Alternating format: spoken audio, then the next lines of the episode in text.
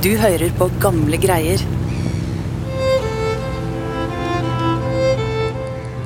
Fiskeren Alf Jørgensen og hans familie på Arnøya, Troms, har blitt rekruttert som agenter og reiser rundt i Nord-Norge for å samle informasjon om tysk aktivitet.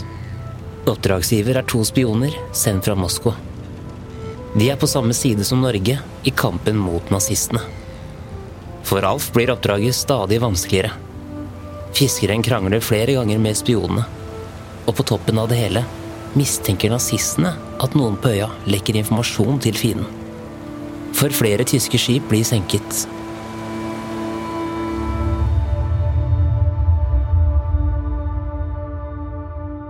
Tyskerne trapper opp jakten på sabotører i det lille lokalsamfunnet. Og ikke nok med det. Alf har en fiende i sin egen familie.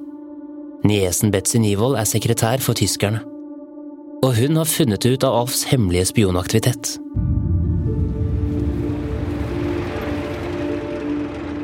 Når fiskeren en augustdag i 1943 drar inn til Tromsø for å skaffe mat til spionen han skjuler, får han en ubehagelig overraskelse.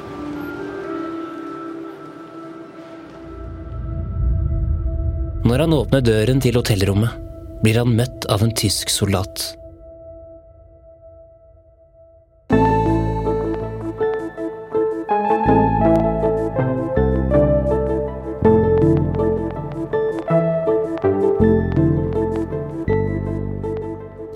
På Gamle greier, en podkast fra Nasjonalbiblioteket. Mitt navn er Lars Hammeren Risberg. Dette er del tre av fire om spionfamilien Jørgensen på Arnøya. Det er journalist og kollega Martine Kaino som skal fortelle historien, og tar oss tilbake til august 1943.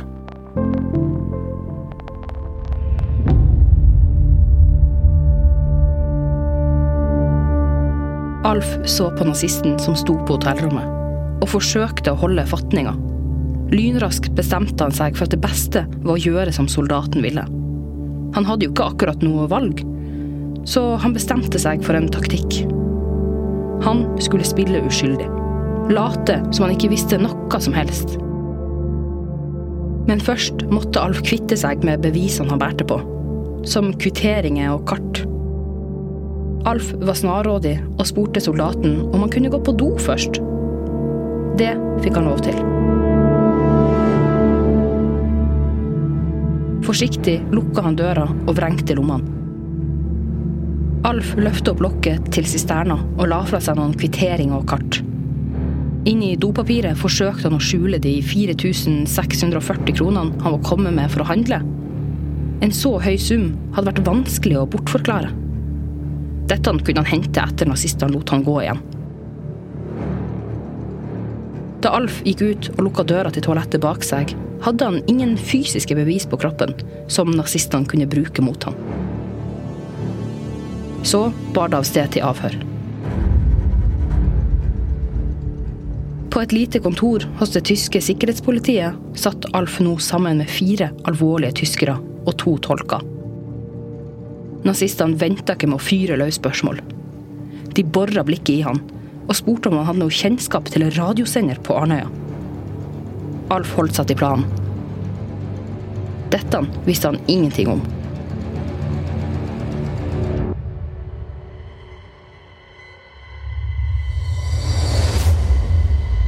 Plutselig kjente han et hardt trykk i ansiktet.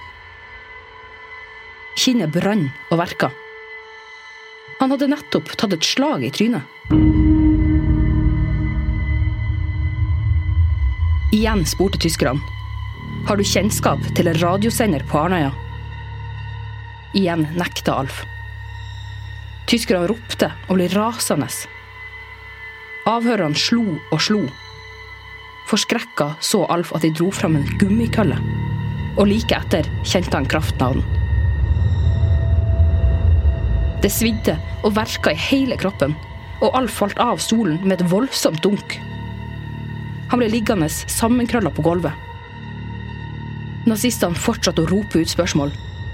Hva vet du om senderen på Arnøya?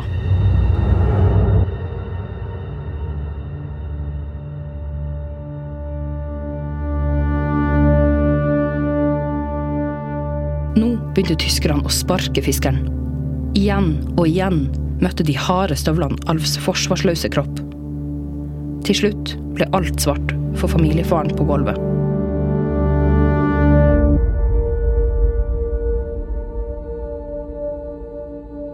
Alf ble flytta til en fangeleir i nærheten. Da han våkna, fortsatte avhøret.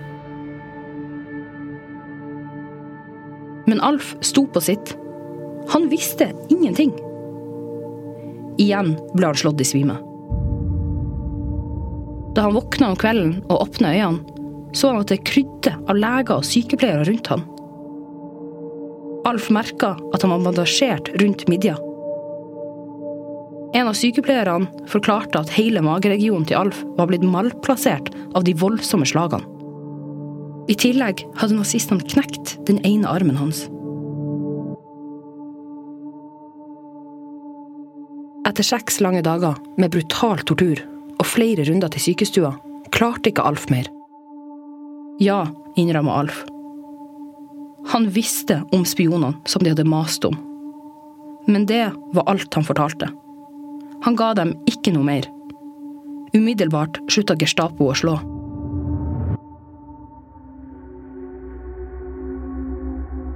De dro han med tilbake til soveværelset uten å si noe. Alf satt helt alene og tenkte på familien. Han hadde vært borte mye lengre enn det som var avtalt. Hadde han satt dem i livsfare med å røpe seg sjøl? Alf visste at han måtte klare å varsle familien umiddelbart. Han trengte skrivesaker for å sende en hastebeskjed hjem. Alf hadde fått streng ordre om å ikke snakke med noen andre av fangene. Likevel bestemte han seg for å ta en sjanse.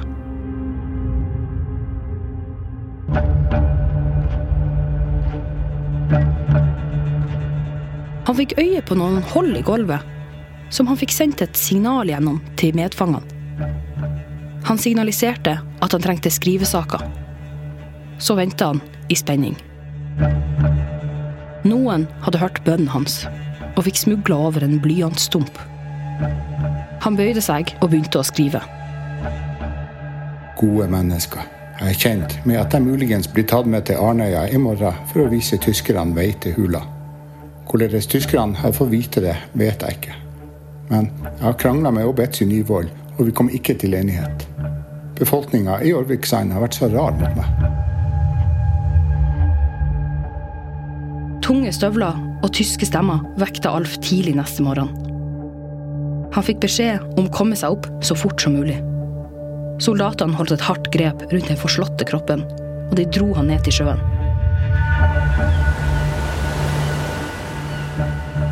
De tok Alf med på en tråler og satte han i en celle på skipet. Mens soldater holdt vakt, kjente Alf de stramme lenkene rundt håndleddet. Etter et par timer stansa båten, og Alf ble tatt med på dekk. Da så han at de var i hjembygda Orvik. Soldatene dytta Alf av skipet. Med beina planta på land fikk han nå et oppdrag fra nazistene. Alf fikk klare ordre om å vise veien hjem. De skuffa og dytta han foran seg. Det føltes som at beina ville gi etter. Vel framme gikk de opp gårdstunet, og Gestapo reiv opp låvedøra og slengte Alf inn. Han ble låst fast i veggen med kjetting. Én etter én så Alf familiemedlemmene bli ført inn i låven. Også de ble lenka fast. Kona hans Petra var helt fra seg og gråt ukontrollert. Alle var livredd for hva som kom til å skje nå.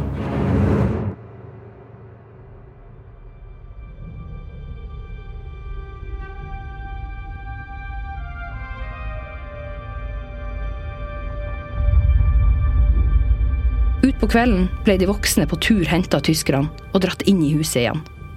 Ingen ante hva som venta der inne. Det var helt stille, bortsett fra kjettingen som klirra når familien bevega seg i låven. Mellom sprekkene i veggen kunne Alf se at titalls soldater sto vakt. Alle bærte skarpladde våpen og var klare til å agere på den minste trussel.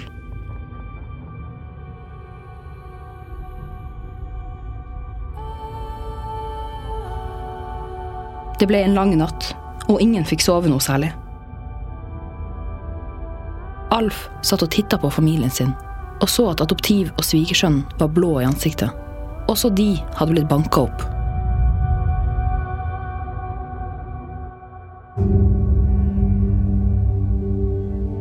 Brått ble ventinga avbrutt på formiddagen. Døra til låven åpna seg, og det skarpe lyset skjærte i øynene. Bestemt marsjerte tolv offiserer og to soldater inn. De tok tak i Alf og låste opp lenkene.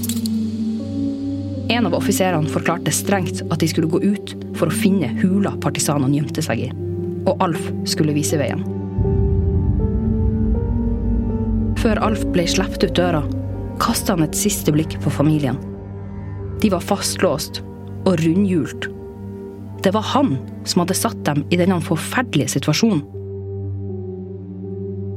Hodet spinte i alle retninger. Hva ville skje med familien, og han sjøl nå? Ikke visste Alf hvor partisanene faktisk var, heller.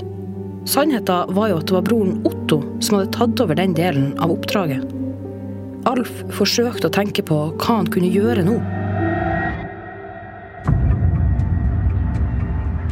Utenfor låven blåste den milde augustvinden i ansiktet.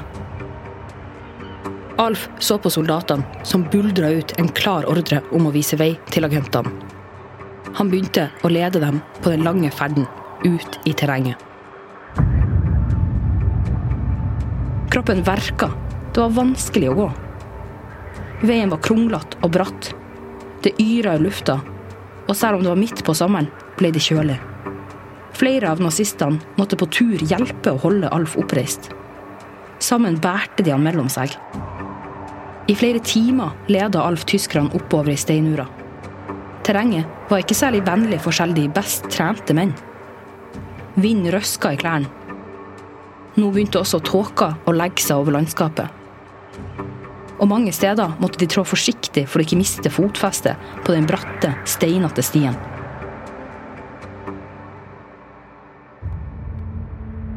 Da de kom til en hylle i fjellsida, bestemte tyskerne seg for å ta en hvilepause. Soldatene ble enige om at én mann skulle holde vakt, mens resten la seg ned for å hvile. Nazistene hadde rett og slett ikke mer å gå på. Mens tyskerne samla krefter, hadde Alf allerede fått energien han trengte etter å ha blitt båret i flere timer. Egentlig kjente Alf at han var i stand til å gå sjøl, men han hadde lagt en fluktplan. Men for at den skulle lykkes, måtte han slite ut nazistene. Han spurte soldatene om lov til å gå opp på en stein for å få bedre oversikt, sånn at han kunne lede dem raskere til hula. De fleste lå allerede godt planta i marka, men den ene mannen som holdt vakt, grynta et ja til han. Han kløyv opp på steinen og kasta et blikk over skuldra. Han la merke til at soldatene fortsatt hvilte. Dette var muligheten Alf hadde venta på.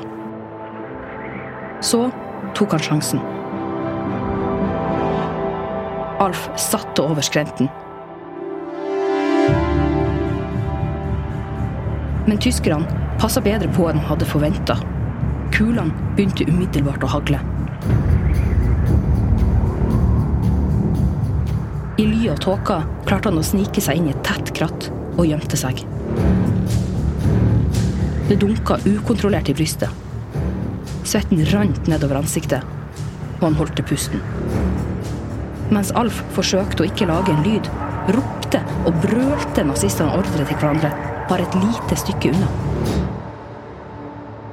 Plutselig stakk det kraftig i låret. Og blodet begynte å strømme nedover beinet. En av kulene hadde smelt inn i låret. Smerten var uholdbar.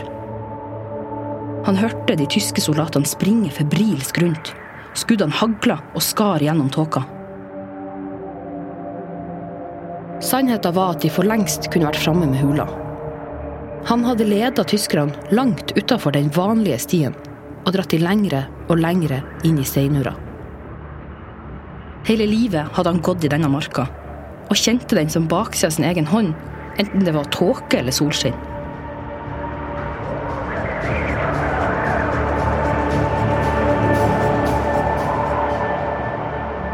Tok fart ut av krattet og smøg seg ned mot klippekanten. Hele tida hørte han tyske stemmer som ropte frem og tilbake. De kom stadig nærmere. Hans eneste utvei var å ta en stor sjanse. Å hoppe ned fra klippekanten og i vannet.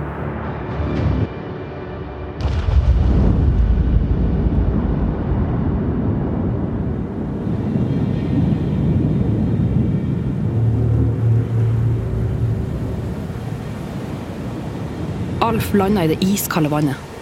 Kroppen ble dratt utover av den sterke strømmen. Men da bølgene slo innover igjen, klamra Alf seg fast til tangen. Redd, skadeskutt og i livsfare sto han i den bitende sjøen med vann opp til halsen. Men han var foreløpig trygg. Tyskerne hadde ikke funnet ham. Men de var like i nærheten, og han hørte fortsatt skuddene. I seks timer sto han i den kalde sjøen. Vannet gynga og skvulpa lett rundt Alfs hode, mens han hele tida hørte rop fra nazistene skjære gjennom tåka. Så ble det stille.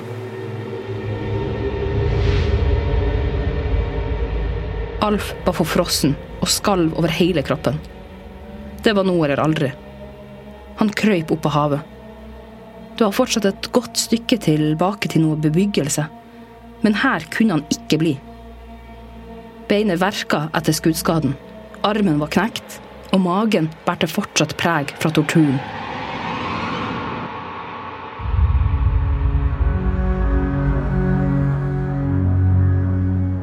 Men Alf hadde alltid vært en viljesterk mann. Han gravde dypt i seg sjøl og fant en siste rest av styrke, og starta med å kravle langs land, i retning av Årvik. Der visste han at det krydde av nazister. Men han hadde ikke noe valg. I den andre retninga var det ingen fluktmuligheter. I flere timer krøp fiskeren av gårde. Med den ene armen og foten som var i behold, slepte han seg fremover mens han forsøkte å skjule seg.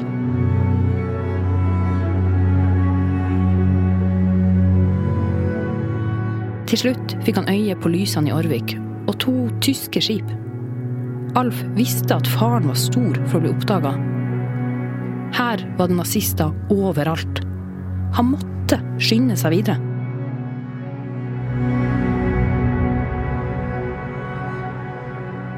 Omsider fant Alf en robåt i mørket som han krabba oppi. Han tok tak i årene og begynte å ro så godt han kunne i sin tilstand.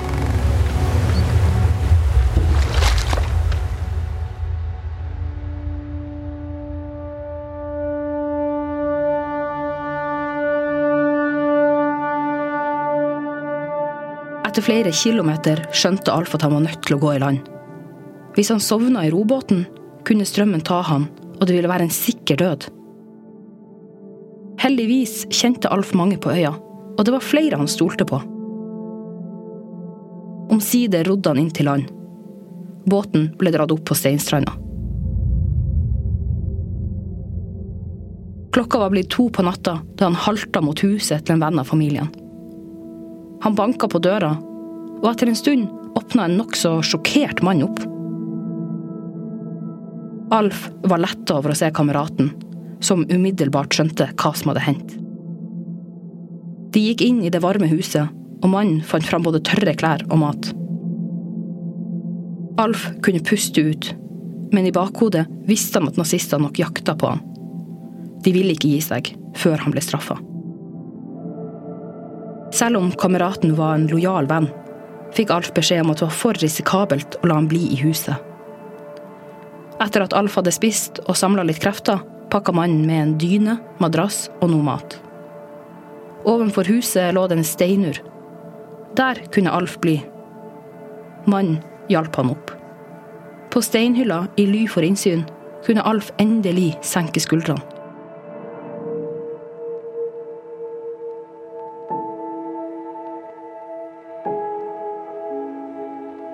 Han hadde foreløpig klart å riste av seg nazistene. Og han var i live. Han fikk en trygg plass for natta. Og det tok ikke lang tid før han sovna, fullstendig utslitt. I flere dager tok mannen vare på Alf, og han fikk endelig hvile ut.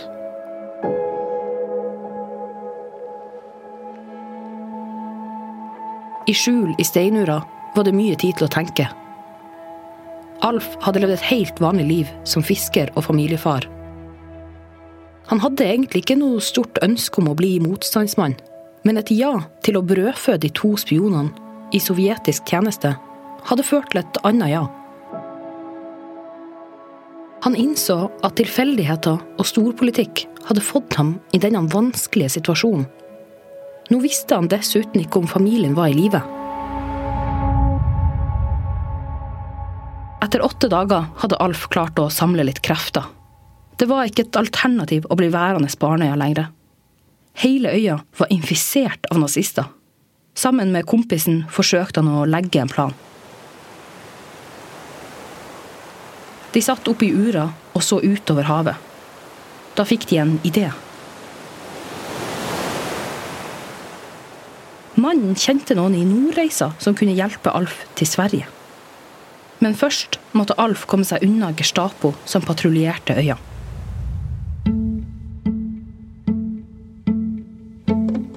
Den eneste måten å komme seg til hjelperen i Nordreisa, var med båt. Alf kjente etter, og bestemte seg for at kroppen skulle klare den lange roturen, til tross for skadene og den knekte armen. Da de tenkte kysten var klar, hjalp mannen han ned fra steinhylla.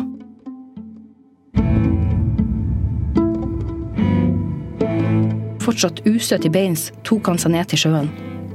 Hele tida vokta Alf seg for hver minste lyd, og blikket speida etter tyske soldater. Kameraten ga ham brød, margarin, garn og fiskeutstyr. Dette skulle han leve på. Og med det sendte kameraten Alf av gårde på vannet.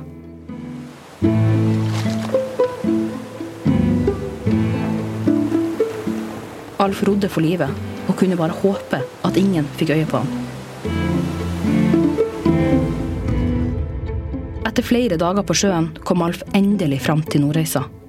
Her venta hjelperen. Alf hadde kommet seg ett steg videre i flukten. Han var langt fra Arnøya. Men da han trodde han kunne senke skuldrene og hvile noen dager, fikk han en uhyggelig beskjed fra hjelperen. Også her krydde det av nazister. Alf kunne ikke bli. Heldigvis kjente hjelperen en smugler som var villig til å kjøre Alf mot svenskegrensa. En kveld tre dager seinere satt Alf i en lastebil på vei mot frihet.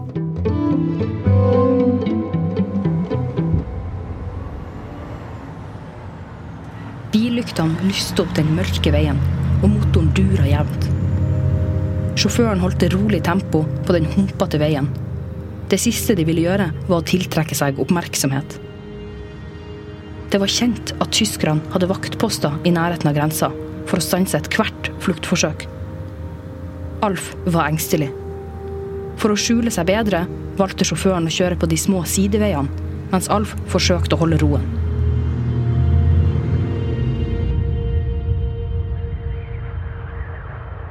Etter hvert tok veien slutt, og sjåføren stoppa motoren.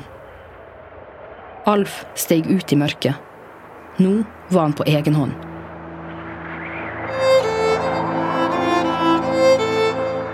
Med seg hadde han litt proviant i sekken, og 1000 kroner hadde fått låne fra hjelperen.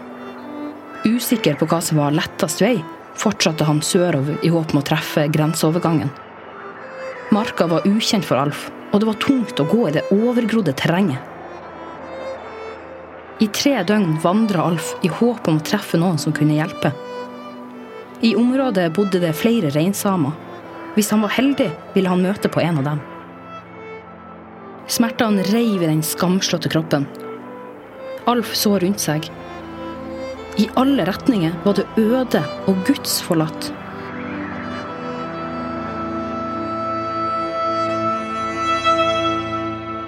Han var nesten tom for mat, og nå var han usikker på hvor han var. Han var helt alene med tankene.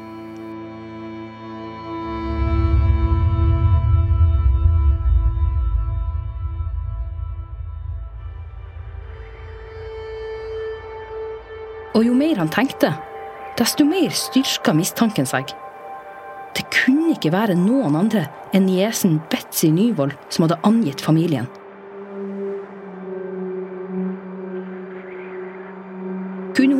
Virkelig være så hevngjerrig pga. at han kalte henne tyskertøs den dagen på kaia?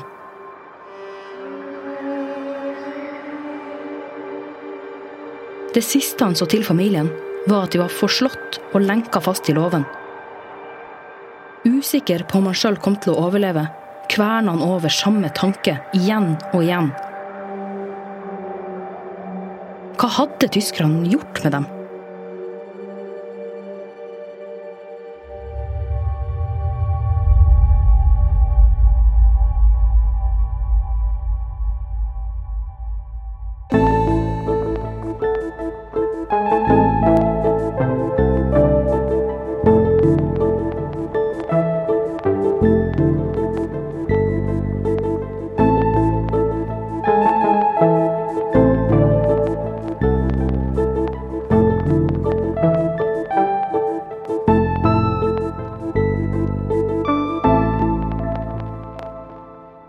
Hørt del tre av fire om spionfamilien Jørgensen på Arnøya.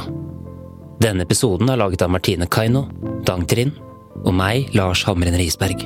Kilder til episoden er bøkene Drama på Arnøy av journalist og forfatter Kjell Fjørtoft, Kulturminner på Arnøy og Laukøy i Nord-Troms, Ei vandring gjennom tid, landskap og historie av Eirin Holberg, Krigen i nord, fra Murmansk til Arnøy av Nils Henry Johansen, Nasjonalbibliotekets egen avissamling og dokumenter fra landsviksoppgjøret. Takk til lokalhistoriker og tidligere lærer Kåre Nilsen og lokalhistoriker Bjørn Tore Nøkkelby. Sitat av Alf Jørgensen er lest av Stein Ove Korneliussen. Musikken du har hørt i denne episoden er fra Epidemic Sound og Therese Aune. Mitt navn er Lars Hamren Risberg. På gjenhør.